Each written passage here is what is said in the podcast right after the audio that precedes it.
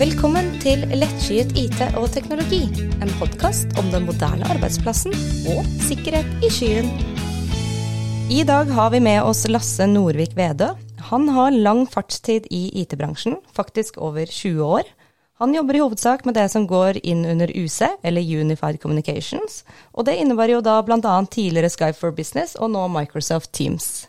Og I tillegg til å jobbe med det som konsulent for da Innofaktor, så holder han foredrag, skriver blogger, og han har også en forfatter innenfor det emnet der. Eh, og gjør faktisk, eh, der gjør han så faktisk en så god jobb at han nå seks år på rad har blitt tildelt tittelen MVP, eller Most Valuable Professional, av Microsoft. Eh, og MVP er jo da en tittel som gis av Microsoft til personer som utmerker seg med høy faglig kompetanse, og som gir tilbake til fagmiljøet i form av bl.a. kompetansedeling. Og av de mange tusen som jobber innen IT i Norge, så er det kun 32 som har fått en sånn titel, eh, eller som har den tittelen nå. Og innafor den kategorien som da Lasse arbeider, så er det nede i bare seks personer.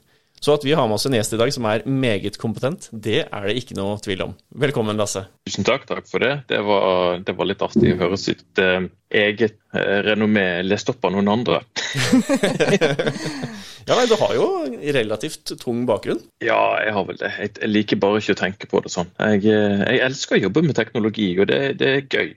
Og så blir resultatene deretter, tenker jeg. Det har ikke vært et bevisst mål liksom å bli det ene eller det andre, men, men det ene fører gjerne det andre med seg. Så det er, det er ordentlig kjekt. Ja. Og det er kjekt å få lov til å være her. Det er Å bli invitert av, av, av gamle kjente for å være med og prate om det man liker å jobbe med, det er, det er gøy. Ikke sant? Det er jo, Når det er gøy å prate om det du jobber med, så er det som regel gøy å jobbe med det òg. Men uh, du jobber jo da som sagt som uh, konsulent i Innofaktor. Har du, har du lyst til å jobbe, fortelle lytterne litt hva, hva, det er du driver med til det daglig?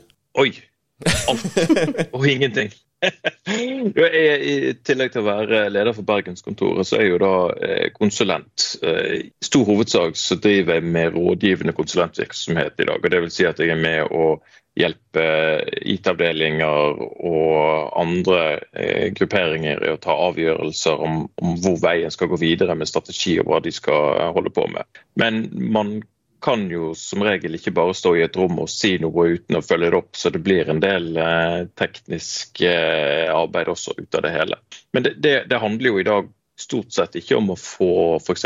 Teams til å fungere, men det handler om til å forstå hva Teams er for noe. Hvordan det kan fungere, og hvordan det ikke minst skal brukes til å forbedre arbeidsprosesser, kommunikasjon, flyt. Og, og med alt det tilstøtende som ligger i Microsoft 365. Da, for Teams kommer ikke helt av seg sjøl. Det er ikke ene og alene Teams man må jobbe med. ikke sant? Når, når du ser på Teams, så er det mange som implementerte det nå i, eh, i, under korona. Sant? Det var om å gjøre å komme seg fortest mulig ut i skyen, få en plattform som man kunne jobbe på, kommunisere på, prate med. Og De som da ikke har vært forberedt på 365 tidligere, de har ikke alltid tenkt igjennom konsekvensen av å skru på Teams. Skrur man på Teams, så får man jo en masse andre applikasjoner som henger sammen med Teams, som Teams er avhengig av for å fungere. Og Det å råde kundene rundt akkurat det, da, det er derfor vi kaller det eh, samhandling, eller sikker samhandling, i det som jeg egentlig sitter og sier at jeg jobber med. Og Det handler om hele bredden og hele helheten, porteføljene rundt alle applikasjonene som Teams har et forhold til. Ja, og det er ikke så rent få, det. Eh, men der har du jo med en gang fått en introduksjon til det vi skal snakke om i dag. For det er jo da Teams før mm. nå, i fremtida, eh, hvor det kom fra hvordan det har endra seg fram til nå, for det har det jo gjort i stor grad, og eh, litt hvordan det vil endre seg framover. Det er hovedtemaet i dag, og så har vi jo våre, våre faste segmenter, hvis jeg kan kalle det det. Og Da lurer jeg på om vi skal hoppe til det første, Lasse. Er du klar? Som i dag. Så bra. Da kommer fem kjappe om gjesten. Hvor er du født? Mm. Sarpsborg. Hva er ditt favorittantrekk på hjemmekontor? Joggebukse. Helt enig. Eh, hva gjør du når du ikke er på jobb? Sitter foran PC. Jobb og hobby, dette skjønner du. fordi at eh, Når man ikke sitter på jobb, så har man jo ofte litt tid eh, foran PC-en eller skjermen. Eh. Hva, hva, er din favorittgadget? Alt som er nytt. Om det, er, om det er iPhone den ene dagen, eller om det er Sonusboksen den andre, eller er ny trådløs sender, eller om det Det endrer seg så fort. Det kommer så mye nytt. Jeg har ikke lenger en enslig favoritt, så det må bli alt som er nytt. Hvor reiser du når verden åpner opp igjen? et varmere sted der jeg faktisk kan eh, lufte tærne mine, kjenne litt sand og høre litt eh, palmesus.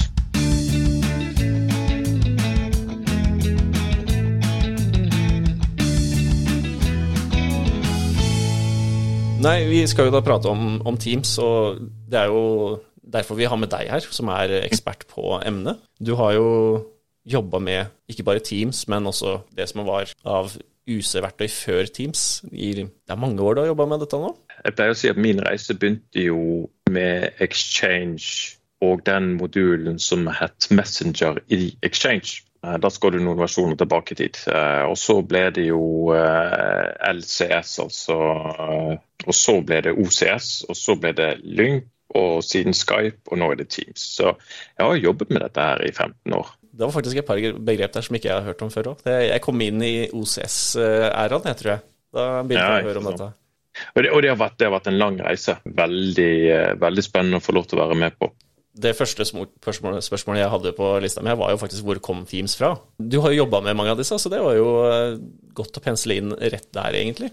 og så kan du si at, Men det er jo bare én del av plattformen. Det er jo den samhandlingsbiten, det er jo den chat, audio, video-biten som kommer har hatt den reisen eh, via OCS, Link, Skype eh, og nå Teams. Den andre siden av det er at det er bygd på et fundament rundt SharePoint. Så det er nok mange som jobber med SharePoint og sier nei, Teams kommer ifra SharePoint, for dette er det det er bygget på.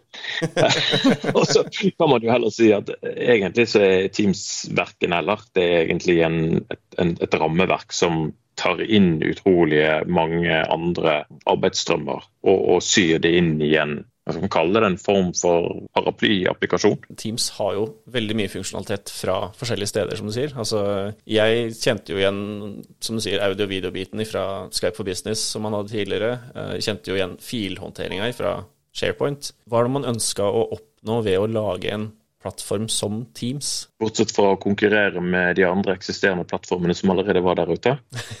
For eksempel.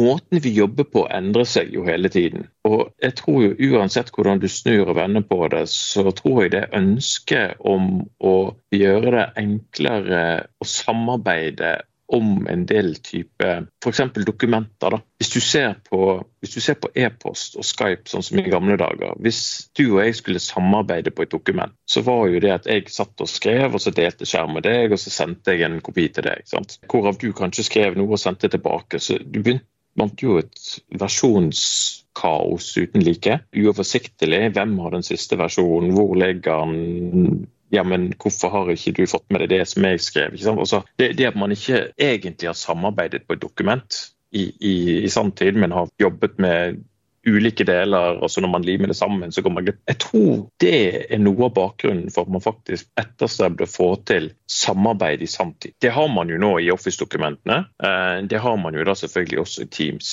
Men det at man da er enige om at hvis du og jeg skal jobbe på et prosjekt, så ligger alle prosjektdokumentene på dette rommet, og du kan skrive, og jeg kan skrive, og vi kan skrive samtidig. Og så er alle enige om at ja, men det er der masterdokumentet ligger, og det er, der, og, og det, er det vi skal forholde oss til til evig tid. Det gjør en del prosesser og en del ting utrolig mye enklere. Og så har man jo sett kraften i å implementere andre applikasjoner, andre, andre deler av 365 inn som automatisering og kunstig intelligens, med at ting ligger i skyen. da Man har den utrolig kraftfulle eh, dataplattformen som, som Asher faktisk utgjør, til, til, å gjøre en del ting som er helt umulig å få til. Med mindre du har sinnssykt mye penger og kan investere i datautstyret i din egen datahall. Det, det ligger et genuint ønske om å få til bedre og mer effektiv måte å samarbeide på. Og så ser vi jo det at Ulike leverandører av møteromsverktøy har jo tenkt i de samme banene. Når jeg tar fram et par av de mest konkrete eksemplene på konkurrentene, så er jo det Zoom og f.eks. Webex.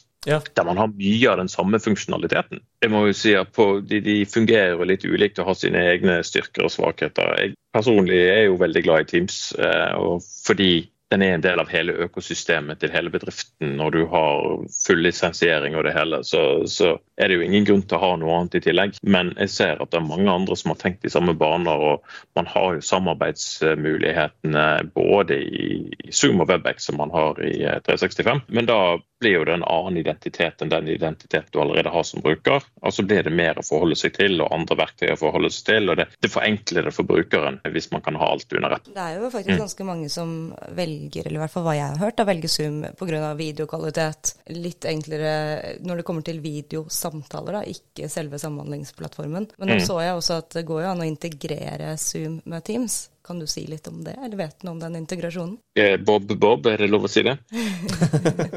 ja, nei, det, er ikke, det, er jo ikke, en reell integrasjon, men det er jo en extension som gjør det mulig å emulere en klient sånn at du kan bruke det samme. Det, det er, jo, det er, jo, det det går på. Min opplevelse av f.eks. Jeg liker ikke å si dette høyt offentlig, men jeg sier det likevel. Min opplevelse av å bruke Zoom versus Teams versus WebEx er jo nettopp den enkeltheten som det ligger i for sluttbruker. Du mm. krever ikke en stor, tykk klient, du krever ikke et abonnement, du krever ikke mye sånt. sånt. Så hvis du skal invitere, sånn som vi gjorde, hadde 80-årsdag eh, eh, for noen i familien, og skulle invitere 15-16 stykk til en sånn videocall og synge eh, bursdagssangen og sånn, så var det utrolig vanskelig å få til å organisere det i Teams på en måte som gjorde at alle kunne være med på samme måte. Men i Zoom så var det bare fopp, fopp, fopp, fopp Mm. Så, så, så, de har tenkt på en litt annen måte når det kommer til brukeropplevelsen. Da. Ja, det er litt Men, den følelsen jeg også sitter ved, eh, ved å ha vært ja. i ulike Zoom-samtaler. Eh, men hvis du har eierskap til et bedrift og har to gram tanke for datasikkerhet og det å eie dataene og være sikker på at dataene ligger på rett sted og at ikke de kommer ut, hvem som har tilgang på den siste versjonen, tenke litt på GDPR, så ville jeg blitt skremt hvis jeg hadde folk i min organisasjon som brukte Zoom til å organisere noe som helst. De kan godt delta, men det å bruke en solid plattform som Microsoft 365 faktisk er, der du kan ha stålkontroll på sikkerheten, og du kan bruke dataloss prevention for å sørge for at feil data ikke kommer ut, der brukere får beskjed om hvis de forsøker å dele sensitive data. Og Det går ikke bare på datasikkerhet, altså det går ikke bare på hemmeligheter, som folk trodde i gamle dager. Det er jo en myte det at datasikkerhet egentlig omhandler det å holde på hemmeligheter. Det handler faktisk om i dag å, å sikre seg mot datalekkasjer som blir berørt av GDPR bl.a. Det er kjempeviktig. Og Hvis du da har møtefasilitetene dine utenfor den sfæren som 365 er, ja, hva er poenget med 365 da? For I det øyeblikket du tar et dokument ut av 365, og hvis du da har tillatt å plassere det i en annen sfære, så har ikke du kontroll på det dokumentet lenger i det hele tatt. Eller den informasjonen, eller hva det nå skulle være. Det vil jeg si er en av de virkelige forsene til å holde alt innenfor en plattform, og det kan man si, det vet Microsoft å ta seg betalt for, ja. Men det gjør at du som, som ansvarlig for eh, sikkerheten innenfor en bedrift, da, informasjonssikkerheten, kan sove mye tryggere eh, når du har eh, plassert og, og, har gjort ting riktig. Du var inne på det, liksom, det med GDPR, fordi det er, jo, det er jo veldig altomfattende med GDPR, men en av de punktene der er jo nettopp det å ha kontroll over de persondataene du har. Og som du sier, så blir jo det en utfordring hvis du har mange forskjellige applikasjoner å ha det i. Jeg, jeg kan ta et eksempel. Derfor jeg har hatt eh, en diskusjon med en sånn frivillig organisasjon som ikke forsto poenget med sikkerhet. Ja, men det, det var så vanskelig, det var så tungt, og vi har jo ingen hemmeligheter her, så vi trenger ikke all den sikkerheten du prøver å snakke om. Så jeg, nei, det er godt at du tenker det, og, og, liker like tilnærmingen. Men er du klar over at du som da driver la oss si om det var fotballag eller håndballag, da, og sitter på en medlemsliste, så inneholder den GDPR-sensitiv informasjon som du er pålagt å beskytte. Nå er ikke det verdens undergang om en liste med telefonnummer kommer ut, men kommer du i riktig scenario, så kan du faktisk bli straffet for at han kommer ut.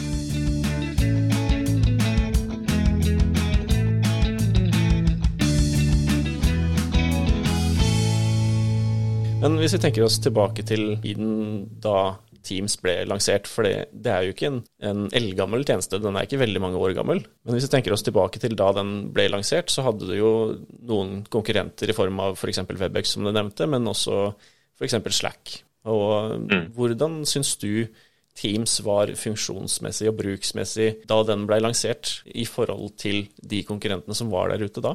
Det var umodent når det kom ut. Men sånn er det med alle applikasjoner. Sånn er det med all applikasjonsutvikling i dag. Hvis du skal sitte på gjerdet og vente til du er ferdigutviklet før du leverer noe, så, så er det toget gått for lenge siden. Det er om å gjøre å få ut et produkt som på en måte fungerer etter noen minimumskrav, og så må du bygge på etter hvert. Det er jo sånn det er. sånn Hver, tredje, hver sjette uke, hver tredje måned så må du komme med nye releaser hele tiden, og du må utvikle hele tiden hvis du skal henge med i, i gamet sånn som det er i dag. Så jeg tror jo, selv om jeg skulle ønske at de hadde gjort mer med grunnstammen i Teams før det kom ut, at de kom ut på helt riktig tidspunkt. Og Hadde de ventet, så hadde de hadde Slack, hadde, hadde Webex, og hadde Zoom kanskje fått enda mer Det fikk det vanskeligere å komme inn som en konkurrent på de områdene. Ja, fordi tidspunktet var jo egentlig ganske godt, med tanke på at eh, Teams kom ut, fikk lov å modne seg litt. Og så hadde man jo da en eksplosjon i bruken for eh, litt over et år siden. Når mm, mm. Norge stengte ned og halvparten av landets skoler brukte plutselig Teams til, eh, til fjernundervisning osv. Den personen eller den produktgruppen som kommer opp med Teams, de eh, sitter og koser seg veldig godt nå når de ser på brukstallene. Det skal jeg love deg. Ja. Den har jo vært den er jo over enhver hva noe som helst kunne forestilt seg for uh, tre år siden eller fire år siden når de lanserte det. Jeg syns de snakker jo om det på radioen, de snakker om Teams, altså Teams på gata, omtrent. Du ser jo en del TV-produksjon i dag, du ser jo en del nyhetssendinger. Så ser du at NRK, TV 2 og en del andre, du ser en del av samtalen er faktisk Teams-samtaler. På samme måte som de også bruker Webex og andre verktøy der, der de trenger det. altså. Så de er ikke noe sånn enspora, men du ser at det brukes og er, som du sier, da, det, er blitt et dagligdags ord. Nesten mm. alle vet hva Teams er. Mm. Det, det, er blitt veldig vanlig. Samtidig så har, har, de også gjort sånn noen forsøk på en sånn variant som heter Teams for life, som du kan bruke hotmail-kontoen din eller live-ID-en live din til å registrere deg og, og, holde kontakt med dine med venner og familie. Da. Og Det har liksom ikke helt, de har ikke fått samme løftet som, som, den industrielle eller business-varianten, kan du si. Nei. For der virker det som at i privatsfæren så har Zoom og, og, en del andre applikasjoner satt seg mye bedre fast. Altså FaceTime og mm. Facebook Messenger og sånn har, har, kommet mye lenger, da. Mm. Så, så, i privatsfæren så har de vært litt sent ute, etter min mening. Når vi snakker om privatsfæren, så var det jo på en måte litt sånn, hva skal jeg si, litt, litt tomrom etter at MSN Messenger forsvant. Så prøvde mm. man seg jo Når Microsoft kjøpte Skype, så var det liksom Yes, nå skal dere bruke Skype. I hvert fall for min egen del. Da. Min erfaring var at man slutta egentlig å bruke Microsoft-produkter til privat samhandling etter det. Og så ble mm. det liksom, ja, som du sier, Facebook Messenger f.eks. Ja, men det var så mange andre alternativer der ute i privatsfæren. sant? Det var ja, WhatsApp, Telegram Altså det er jo så mange andre varianter nå. Snap og Insta og Facebook og ja. Det, jeg er helt enig med deg. Eh, jeg eh, har observert at den eneste jeg bruker min Skype-konto til, det er å snakke med min mor. Ja, riktig. En gang i uken. En, så en gang i uken på, på søndager så logger jeg på og er tilgjengelig der, og så prater vi, og så logger jeg av, og så er jeg ikke der før neste søndag igjen, for å si det sånn. Nei, men det, det, tror jeg stemmer for de fleste av oss som tok i bruk Skype, egentlig. For det, altså, Skype var jo svært når Microsoft kjøpte? Jeg brukte jo faktisk Skype eh, veldig mye. Jeg bodde i Australia i tre år fra 2009. Og da var det jo utrolig handy da var Skype på en måte en åpenbaring for meg å kunne se. Mm. For det var jo ikke noen andre plattformer man kunne det på da. Du hadde to verdener som, som kolliderte der. Du hadde de som hadde en hotmail-konto og Messenger liksom var en del av den, og de var egentlig happy med Messenger. Og så kjøpte de jo Skype, så tvang de alle Skype-brukerne til å få Microsoft-kontoer. Og da tror jeg de mistet en masse tilhengere. Jo, det tror jeg du har rett i. Det er jo mange som har noe imot Microsoft, rett og slett. Det... Det, det, ser man jo hver gang Microsoft kjøper en stor tjeneste, som, som, du nevner Skype. Det skjedde vel kanskje ikke i så stor grad, men når eh, Microsoft kjøpte GitHub, så var det jo en del som nå skal jeg aldri bruke GitHub mer. Sist når det var rykter nå om at Microsoft skulle kjøpe um, Discord, som er en annen samhandlingsplattform for private, da var det en del som plutselig ikke skulle bruke det lenger heller. Nå ble ikke det noe av, selvfølgelig. Det er litt nei. interessant å se. Ja, nei, men det er alltid noen som å nei, eh, Apple skal jeg aldri ta inn, og Microsoft skal jeg aldri ta inn. Altså det, man, man, får jo seg sånne, sånne kjepphester. Eh, når alt, kommer til, alt kommer til alt, så ser jeg at jeg, bruker det arbeidsgiver sier jeg skal bruke. Og så eh, når det kommer til privaten, så bruker jeg det jeg eh, må for å kommunisere med de jeg må. ja, ikke sant. Men det er noe med det òg. De vennene man har som er på den plattformen, ja, da må man bruke den plattformen. Og det, ja. Det tror jeg også litt sånn tilbake til det du sier, Trine, at du brukte Skype når du var i Australia så tror jeg Skype var en mer, hva skal jeg si, mer brukt i andre land enn det Norge også. Så jeg vet ikke om det kanskje mm. var vanlig å bruke Skype i Australia blant de du var sammen med der, eller? Var, altså for min del så var det mest for å øh, ha videosamtaler med de hjemme. Ja, riktig. Eh, så for Facebook hadde jo også kommet da, eller jeg brukte Facebook også, men på en helt annen måte enn det man gjør i dag. Eh, så, så, for oss, eller for meg og familien min, så ble det jo en måte å kunne se hverandre på. Mens selve samtalene gikk kanskje mer over Facebook, det skriftlige. Ja, riktig. Eh, så det var jo ikke sånn at vi satt i, i Skype og chattet. Nei, for Skype var en, var en uh, mer audio-video-samtale, mens Messenger var jo mer en chat-greie.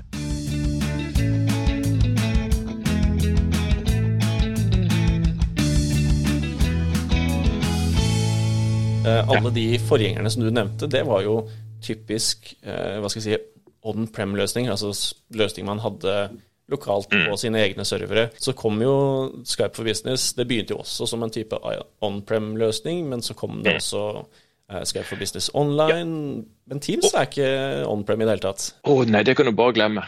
Men altså, her, her er jo litt av årsaken til at man har, har bygget Teams som en helt ny plattform. Fordi den online-løsningen, Skype for Business Online, uh, dette er sånn litt under the hood, uh, den er ikke spesielt effektivt bygd i skyen. Så jeg tror de også så etter en måte å bygge noe som skalerte mye bedre og brukte, eh, har brukt Asher mye bedre enn en tidligere. Og det er jo det de har lyktes med, sånn som de har gjort når de har bygget Teams nå. Eh, der er jo i veldig lite eh, gammeldags type teknologi og arkitektur bak Teams. men det hang mye igjen i Skype for Business Online, faktisk. Ja, for den var ganske tett knytta mot Exchange ja. også. Og, så, så Teams er jo en, en eh, applikasjon som er bygd og ment som en skyplattform, og en skyplattform alene.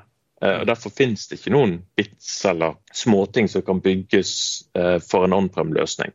Det er rett og slett ikke skrudd sammen på en måte som, som, som gir mening i, i, ditt eget datasenter. Fordi det, det er liksom, Teams er bygget opp nå av si tusen, det var kanskje overdrevet litt, men utrolig mange ulike microservices og funksjoner som ligger i Azure og M365 ellers, eh, som, som du rett og slett ikke kan realisere on-prem. Eh, så, så det at man har løsrevet seg fra en del ressursproblemer som man får når man har dedikert hardware, den gjør det rett og slett ikke mulig å replikere når man får, får en on-prem-verden igjen. da. Så det, Teams er jo, blir en skytjeneste. Jeg, jeg, jeg hører jo fortsatt kunder som ønsker å ha Teams on-prem, men jeg sier, det, det er jo litt rart. da, for en, du, konsumerer jo en del andre tjenester fra skyen uten å tenke på at du vil ha det on-prem i det hele tatt. Så, så hvorfor vil du ha akkurat den on? Det blir ikke noe bedre lydkvalitet eller uh, bedre sikkerhet av den grunn. Mange har jo den tankegangen at du vil ha kontroll på serveren din, for da Altså, du vil ha den hos deg, fordi da har du kontroll på den. Da har du liksom da har du sikra den. Men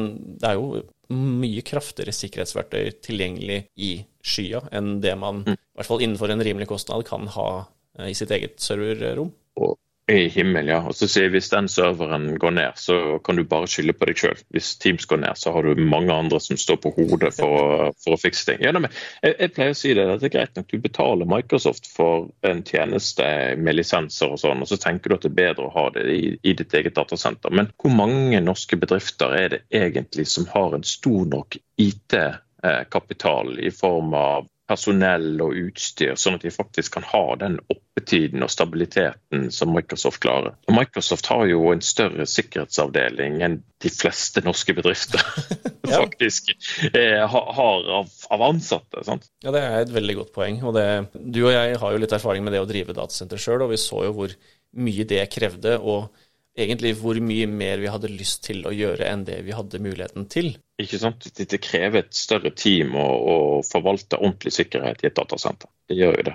Det gjør Og det. jeg ser jo ser- jo også det når jeg prater med kundene eh, som liksom kommer fra en old school eh, sikkerhetsverden eh, i egne datasentre og mener og tror at de har full kontroll og sånn, og så begynner du å plukke litt på den der løken, da.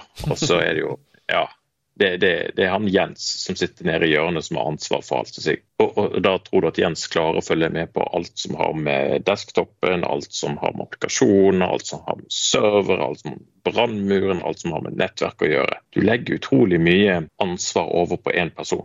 Mens med en skyteknologi så ligger det utrolig mye kraft i automasjon og intelligens ute i skyen. Pluss at hvis du da har kjøpt de riktige eh, produktene og tjenestene, så, så, så har du flere tusen mann som er på jobb. Jeg skal love deg det at hvis, hvis det er et cyberattack mot Microsoft Teams, så er det tusen mann som står og jobber for å stoppe det. Eh, hvis du har et cyberattack mot din egen lille bedrift, så er du heldig hvis du oppdager at det har skjedd seks måneder etterpå. En godt poeng. Det, for det er veldig sånn for de fleste med småbedrifter, i hvert fall. Mm. Det, det, er det å være litt smart. Det er, det er, ikke dumt å få andre til å ta de tingene som, som ikke du egentlig trenger å bruke tid på. Så kan heller den sikkerhetsansvarlige ha i oppgave å sørge for at kontrakter er gode, og at uh, han har oversikt over flyten og kan ta, ta eierskap til de viktige eh, sikkerhetsvalgene istedenfor å måtte følge opp alle loggene og e-postene og ting og tang som kommer dettende. Det er noe med at kunstig intelligens-type klarer å reagere mye raskere det enn et menneske noen gang kunne gjort. Men eh, litt tilbake til Vi har vært snakka om alle endringene som har vært eh, i Teams siden det ble lansert. Mm. Så jeg er litt eh, interessert i å høre hva, hva, tenk, hva tror du det, har vært den viktigste bidragsyteren til endringene? Har det vært brukerne som kommer med forespørsler? Har det vært konkurrentene som har kommet med bedre funksjoner, eller rett og slett korona? Jeg tror jo at det er en fin kombinasjon av, av alt dette. Microsoft har jo hatt et aktivt forhold til brukerinnspill ved hjelp av uh, user voice. Eh, som, uh, som, de har brukt i mange år. der du kan rett og slett melde inn dine ønsker og dine behov, og folk kan stemme det opp og stemme det ned. Og, og får det nok oppmerksomhet, så legger Microsoft faktisk merke til det og ser på det. Jeg har selv, Som en MVP da, så har jeg selv vært med på å se hvilke ting som tas inn og ikke tas inn, så jeg vet at de faktisk har et reelt forhold til user voice og user feedback. Så det er jo klart at de hører jo også De har en del viktige strategiske kunder. Mm. Og hvis, hvis, store nok selskaper som f.eks. det amerikanske forsvaret kommer og sier at vi må ha dette, ellers kan vi ikke bruke produktet, så skjer dette. ikke sant? ja, ja. Det, det, det, det, er jo den påvirkningen. Og så har du den andre påvirkningen som du nevnte, som har vært litt interessant å se, se sånn fra sidelinjen, delvis fra innsiden. Det er hvordan koronaen traff og hvordan koronaen endret bruksmønsteret og behovet for bruken av Teams hvordan de, eh, de første månedene måtte skru ned både båndbredde og kapasitet og alt for å få plass til alle. ikke sant? Jeg vet ikke om du husker så godt tilbake, men i, hadde vi hatt denne samtalen for et år siden, så hadde vi hatt eh, lavere billedkvalitet og eh, kanskje opplevd litt hakking og sånne ting. Det er lenge siden jeg har opplevd, og de har jo bygd ut kapasitet, ikke bare i hoveddatasentrene, men i flere datasentre, og distribuert nettverket sitt mye bedre.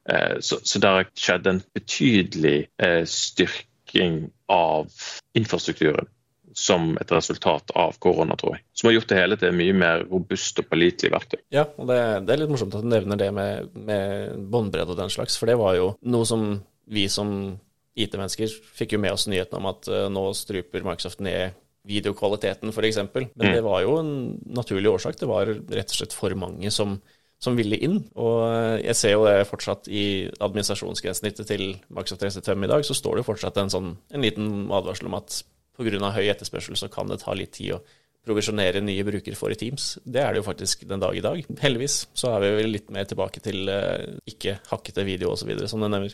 Ellers så hadde vi ikke fått det uh, nydelige ansiktet ditt i fullformat og feilfritt. Men jeg merker jo også at du snakker, om, du snakker, om, at teknologien endrer seg, men jeg merker jo at vi som arbeidstakere har endret vårt forhold til verktøyet. Det, jeg har merket at større andel har et mer avslappa forhold til om de har video på, eller om, hvordan, om, de er med eller ikke med. og sånne ting. For Pre-korona så var det vanskelig for folk til å ta på video av og til. Var, folk var veldig opptatt av hvordan det så ut rundt de og bak de.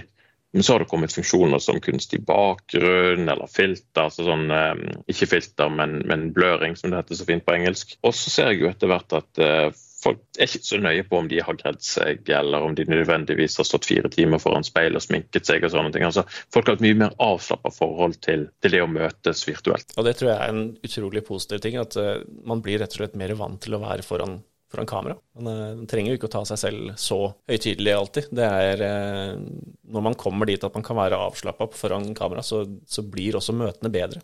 Nå skal, vi prøve å pensle litt inn på fremtiden til Teams. Fordi du har jo vært inne på det her med at uh, Microsoft har jo user voice-biten, hvor du kan legge inn forslag om nye funksjoner, og man kan stemme opp osv.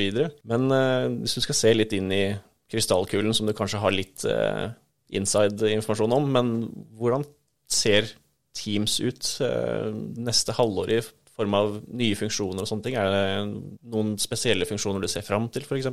Det er jo litt vanskelig å si, nettopp fordi at man har sånn fossefalltilnærming til utvikling. Det kommer jo ingen store releaser med, med store funksjoner. De små hemmelighetene som kommer, um, kommer jo gjerne ofte opp mot konferanser som, som, Ignite eller Inspire eller Build eller sånne ting. Så når det kommer til funksjoner, så er det masse små kosmetiske endringer de gjør på måten ting fungerer på, eller layouten på menyene, eller eh, f.eks. hvis du er i public preview, da. Eh, jeg er selvfølgelig i public preview, så, så, har du kanskje lagt merke til at, eh, at, at Me altså meg-menyen har endret seg litt i det siste, med hvor du, har, hvor du kan gå for å, finne, for å, bytte til en annen organisasjon, eller videolayouten har endret seg litt. Nå kan du få videoene på siden istedenfor bare under. og Det er mye mer eh, den dynamiske video- og menyoppbyggingen som du har i møter og sånn. Um, det er ting som er under preview som jeg ser fram til skal komme i produksjon. For det, det, fremhever gjerne content mye bedre enn det gjør. Og så har du jo, De har vel allerede snakket om dette, her, så dette med at du skal få mer webinarfunksjonalitet inn i Teams f.eks. Sånn at du kan som en bedrift eh, si at vet du hva, vi skal ha et webinar om, om Teams. Eh, så kan folk eh, logge seg på siden og registrere seg og få tilsendt. Litt sånn som eh, HubSpot og en del andre ting fungerer i dag. Det, det, det er ting som jeg ser fram til. Bortsett fra det så er det litt vanskelig å vite hvor, hvor går man videre. Jeg tenker Du skal se litt på denne her Viva, Viva Connection som kommer. Den som på en måte er en, connector, knytter SharePoint og knytter intelligens mye tettere sammen og skal drive Ta fokus på den digitale velferden, som de sier. da sørge for at de ansatte ikke er overbelasta og overarbeider. Eh, det ligger mye i, i analytics-delen. Drive sånn bevisste opplæring. Ha mye mer Ta i bruk Cortana. Cortana er kanskje feil å bruke det, men en type teknologi som Cortana støttes på, nemlig det med, med snakkekommandoer. Hvis du har My Analytics i e-posten, så vet du hva jeg snakker om med at det kommer med forslag om oppgaver du burde ha løst, ikke har løst. Jeg tror det kommer utrolig mye innenfor den teknologien. Jeg kaller det sånn halvintelligent eh, teknologi. fordi det, den, den, forstår ikke alltid hvem, hvem, Lasse er, har jeg merket når han sier 'kjære Lasse, dette burde ta en titt på'. Ja, men Det gjorde jeg jo i forrige uke, sant? jeg har bare ikke slettet mailen ennå. Eh, og, og, den er jo fortsatt ganske umoden, den delen av teknologien. Så jeg er utrolig spent på å se hvor den kunstig intelligensen tar oss videre da, i et mm. verktøy som Teams det er litt skummelt å si det, men den har jo oversikt over dokumentene du har jobbet i. Den har jo oversikt over hvem du har snakket med. Den har jo oversikt over hvilke avtaler du har i kalenderen din. Eh, hvilke planneroppgaver du har, kanskje tasksoppgaver eller andre ting som du har knyttet inn. Så, det, så, så intelligensen har jo nesten, Den kunstige intelligensen har jo nesten større oversikt over min arbeidshverdag enn jeg har selv oppi mitt eget hode når jeg setter meg ved pulten klokken åtte. Den er bygget for å ha fokus på det. Den er langt fra eh, god nok i dag, etter min mening. Men jeg syns de leker med et utrolig spennende område. Bare vi ikke ser oss blind på at det er maskinen som bestemmer alt. For det, av og til så har han ikke peiling på hva du har gjort og avtalt analogt, for å si det sånn. Nei, ikke sant. Nei, den har jo bare oversikt over det. Den. det er viktig å ikke la oss styre av det som kommer der. Selv om det er kjent. Nei, nei. nei, Du må skjønne og forstå at det er et supplement og et vedlegg og noe som kan hjelpe deg til noe, men du må selv ha styringen. Det, det, er, jo, det er, jo, en misforståelse det er hvis du tror at maskinen skal styre alt.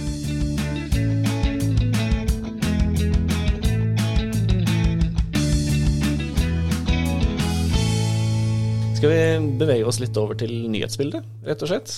Eh, vi har jo en vanligvis en del her hvor vi ser på noen nyheter om temaet som vi har snakket om. Og I dag har jeg funnet en, en artikkel fra, fra, slutten av april fra NRK. Jeg har funnet en artikkel fra slutten av april fra NRK, hvor det er eh, et intervju med en psykiater som mener det at eh, korona er ADHD-uvennlig i forhold til fjernarbeid, undervisning via Teams, eh, fordi det stiller så mye strengere krav til bl.a. selvdisiplin. Da. Det er litt nysgjerrig å høre hvordan ser du på de utfordringene der med å kun jobbe fjernt. For det, det, er jo veldig praktisk, men i det lange løp så er det jo en del utfordringer med at man kun sitter foran f.eks. For Teams. da. Det gjelder jo andre plattformer òg, selvfølgelig. Min frykt er at vi i større og større grad får et digitalt klasseskille. Og det, det, det treffer ikke bare folk som har en ADHD-diagnose eller tilsvarende. fordi det, det, går litt mer utover. Og det, er klart at Jeg, ser nøyaktig hva hva som menes med, med de som har det problemet. Men, men altså, vi, vi, har nå en hverdag der vi skal jobbe så mye rundt en skjerm. Eh, det krever at du følger med på skjermen hele tiden, og det krever at du som person faktisk aktivt følger med på skjermen. Jeg vet ikke hvor mange møter jeg av og til har deltatt i hvor jeg egentlig ikke alltid er 100% engasjert i det samtalen pågår akkurat der og da, da kan hodet mitt fort begynne å vandre et eller annet annet sted. Mm. Og Hvis ikke jeg er disiplinert nok, da, så, så, så, får ikke jeg med meg hva som foregår i det hele tatt. Og jeg kan godt skjønne at personer med ulike utfordringer fort kan falle av under en digital samtale sånn som dette. Og så skal jeg ta litt sånn eksempel rett fra denne samtalen hvor vi sitter hvor jeg sitter og ser deg, jeg ser at du ser på skjermen, du nikker, og da du og jeg har en én-til-én-diskusjon, så vet jeg at det sitter en tredjeperson i det rommet som jeg ikke ser. For min del så kan det godt hende at hun allerede har sovna med, med, hodet nede i suppen for lenge siden. ikke sant? Og, og det er litt det der med, med hva klarer du faktisk å fange opp av den nødvendige kommunikasjonen for å, for å fange konsentrasjonen i f.eks. opplæringsøyemed. Hvordan kan en lærer være sikker på at ah, han får med seg alle? Jeg tror det krever utrolig mye mer ut av den som skal faktisk digital kompetanse da, av den som da skal drive, i dette tilfellet, eh, i denne artikkelen, skal drive undervisning rettet mot eh, ADHD-personer som vi antar har problemer med å sitte i ro over lengre tid. Og i hvert fall i klassesammenheng. ikke sant? Hvis du er som en lærer da har ansvaret for 30 elever, hvorav en eller flere har ADHD, så er det begrensa hvor mye du klarer å få med deg av de 30 videostrømmene og sier du, Petter, nå må du følge med. Mm. Det, det, og, og, da faller de fortere av. Så det, det, Der oppstår dette digitale klasseskillet. da. De som faktisk klarer å være litt disiplinerte sjøl og ikke. Veldig godt poeng det du drar frem der. Det, det er en stor utfordring. Og det, jeg ser jo altså, Hvis jeg skulle vært lærer, som du sier, og ha oversikt over 30 stykker som du vanligvis vil se i en klasseromssammenheng og kan se dem rett i øya. Det er jo veldig mange som ikke vil ha på kamera når de sitter på hjemmeundervisning osv. Så, videre. så det blir jo helt klart en utrolig stor utfordring, for, ikke bare for de som skal følge med, men også de som skal lære bort. da. Ikke sant, Og så muter folk seg og tar av videokamera, så du, du, du, du, mister litt av den dybden i, i kommunikasjonen kommunikasjon som er tilstedeværende. Og hvis ikke man blir trent og opplært i å være aktiv digital deltaker, så faller man av. Og Det gjelder ikke bare en lærersituasjon, det gjelder i alle situasjoner, tror jeg. Og da er det jo de som da har litt PC-vegring og ikke kanskje Altså, du og jeg er jo interessert i data. Ja. så dette er jo ikke noe problem for oss. Og det er vanskelig for oss å forstå at det finnes folk som ikke forstår dette.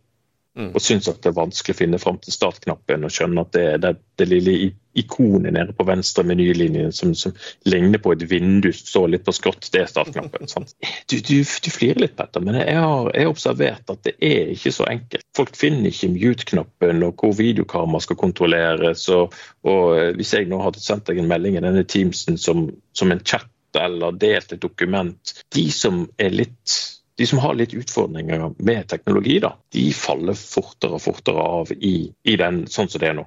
Mm. Så jeg tror jo at vi er nødt til å komme tilbake til en hybrid verden der vi har litt sånn fysisk kontakt og oppmøte og tilbud for de som ikke lykkes like godt i den digitale sfæren. Men En annen ting som blir nevnt i denne artikkelen, er jo det at det er veldig mange som sliter med å få utløp for impulsive ideer og liksom være kreativ, ha et samspill sammen med andre. Er det noe du ser Teams kan hjelpe med her, som den jevne bruker kanskje ikke har fått med seg av funksjonalitet?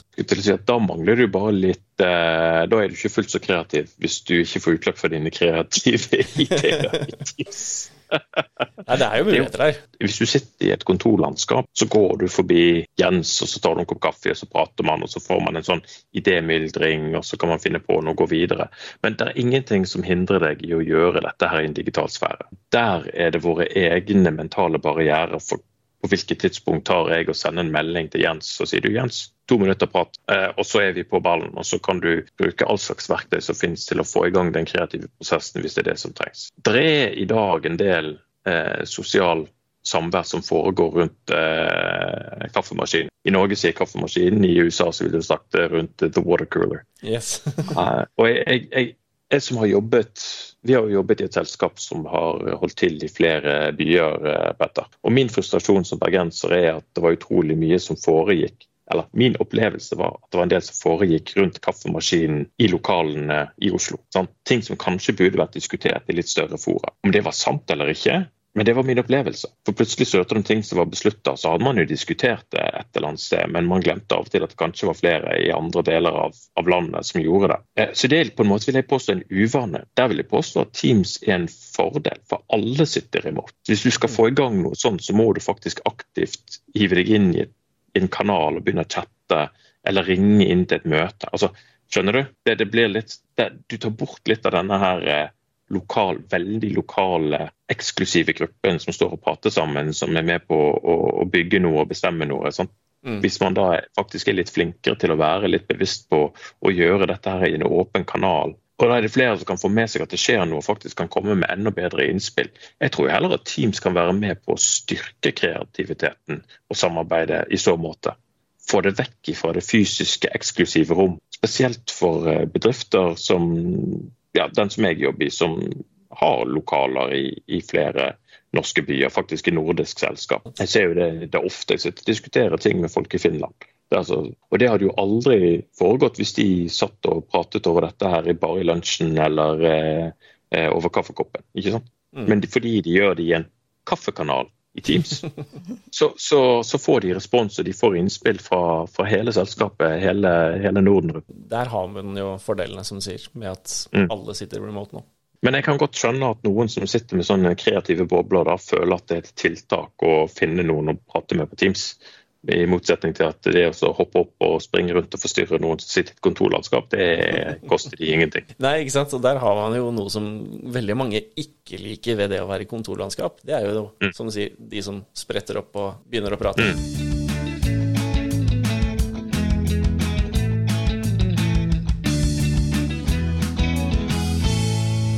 Har vi jo holdt på å prate en god stund, så jeg lurer på om vi skal prøve oss på å samle litt uh, det vi har prata om i dag. For nå, nå, har vi jo fått veldig mye input fra, fra deg, Lasse, i forhold til hva, hva, Teams er, hvor det kom fra. Uh, fått en liten, kan man kalle det nesten en historieleksjon i alle de forgjengerne når det gjelder audio og video, i hvert fall. Og mm. en del av de andre produktene som, uh, som man har brukt. Og vi har fått prata veldig mye om hvordan Teams brukes og kan forbedre en hverdag. Da er vi rett og slett over på, på tipssegmentet i podkasten vår. Og da er jeg veldig spent på, Lasse, om har du med deg noen tips til våre lyttere i dag? Ta deg litt tid til å sette deg inn i hva som finnes. Og et, mitt største tips er er du nybegynner med Teams eller har du jobbet med Teams, ta deg en runde i oppsettet for notifications. Altså alle disse her eh, klingene og alarmene og tingene som kommer. Fordi Teams er en for et fantastisk verktøy, men det kan også være en utrolig frustrasjonskilde til støy. Så det å gå inn og, og, eh, skjule kanalene du egentlig ikke er interessert i eller har behov for å følge med på, det å i menyen prioritere hva som er, altså flytte disse teamsene som du jobber mest med øverst. Pinne kanaler sånn at de ligger øverst. Skru av eller justere hvilke type notifications du vil ha. Er du interessert i å vite hver gang det er en, eh, en ny ansatt som kommer i selskapet, så får du jo en ping i aktivitetsfeeden din på det. Eh, jeg har skrudd det av. Jeg syns det er sånn unødvendig støy. Jeg trenger ikke en ping én, to, fem ganger i uken for at det er kommet en ny ansatt i, i firmaet. For det, det, får jeg nemlig med meg med en helt annen nyhetskilde. ikke sant? Eh, trending, to, trending topics for eksempel, er en annen ting som jeg, jeg forstår at hvis du jobber i en kreativ sfære, så er trending topics sikkert kjekt. For meg så er det bare støy at, det er 15 mann på salg som snakker om et, et, eller annet bestemt prosjekt som jeg ikke vet hva er for noe engang. Det er faktisk bare en irritasjonsgreie å få det opp i feeden, hvis du skjønner hva jeg mener. Mm. Så det er å justere hvilken støy du får inn, det gjelder ikke bare Teams, det gjelder jo mobiltelefoner og alt annet. Men det tror jeg det er et av de viktigste tipsene mine. Mm. Eh, for da får du en roligere og en stillere arbeidshverdag. Mer eh, effektiv også, hvor du får mindre mm. forstyrrelser. Mitt tips denne uken går på for de som allerede har Microsoft 365 og har hatt det i lengre tid. Ta en liten sjekk på hvilke lisenser som er i bruk i bedriften i dag, eh, om man trenger dem. Og ikke minst om det er verdt å eh, oppgradere. F.eks. hvis man sitter med gamle EMS-lisenser, så kanskje man kan bytte til Microsoft 365 Business Premium og gå ned i kostnad og opp i funksjonalitet. Har man Office 365 E3-lisenser, kanskje ta en vurdering på om man trenger den ekstra funksjonaliteten der. Om man kan gå ned på lisens og kanskje spare noen kroner der. Det, det er mitt tips denne uka. Og da har vi kommet til, til veis ende i dag. Da vil jeg takke Trine som har vært med her. Takk, takk. Og ikke minst deg, Lasse, som har vært en helt fantastisk gjest. Takk, takk. Det var fantastisk å høre bergensdialekta igjen nå, det var lenge siden sist. ja. Men da sier jeg jo bare takk for i dag. Takk for at dere har vært med og lytte. Og så må vi bare minne om at vi har en e-postadresse som heter podkast.lit.no. Der er det bare å sende en e-post dersom man har noen spørsmål, eller kanskje man også sitter brennende for et tema man har lyst til å gjeste podkasten vår og snakke om.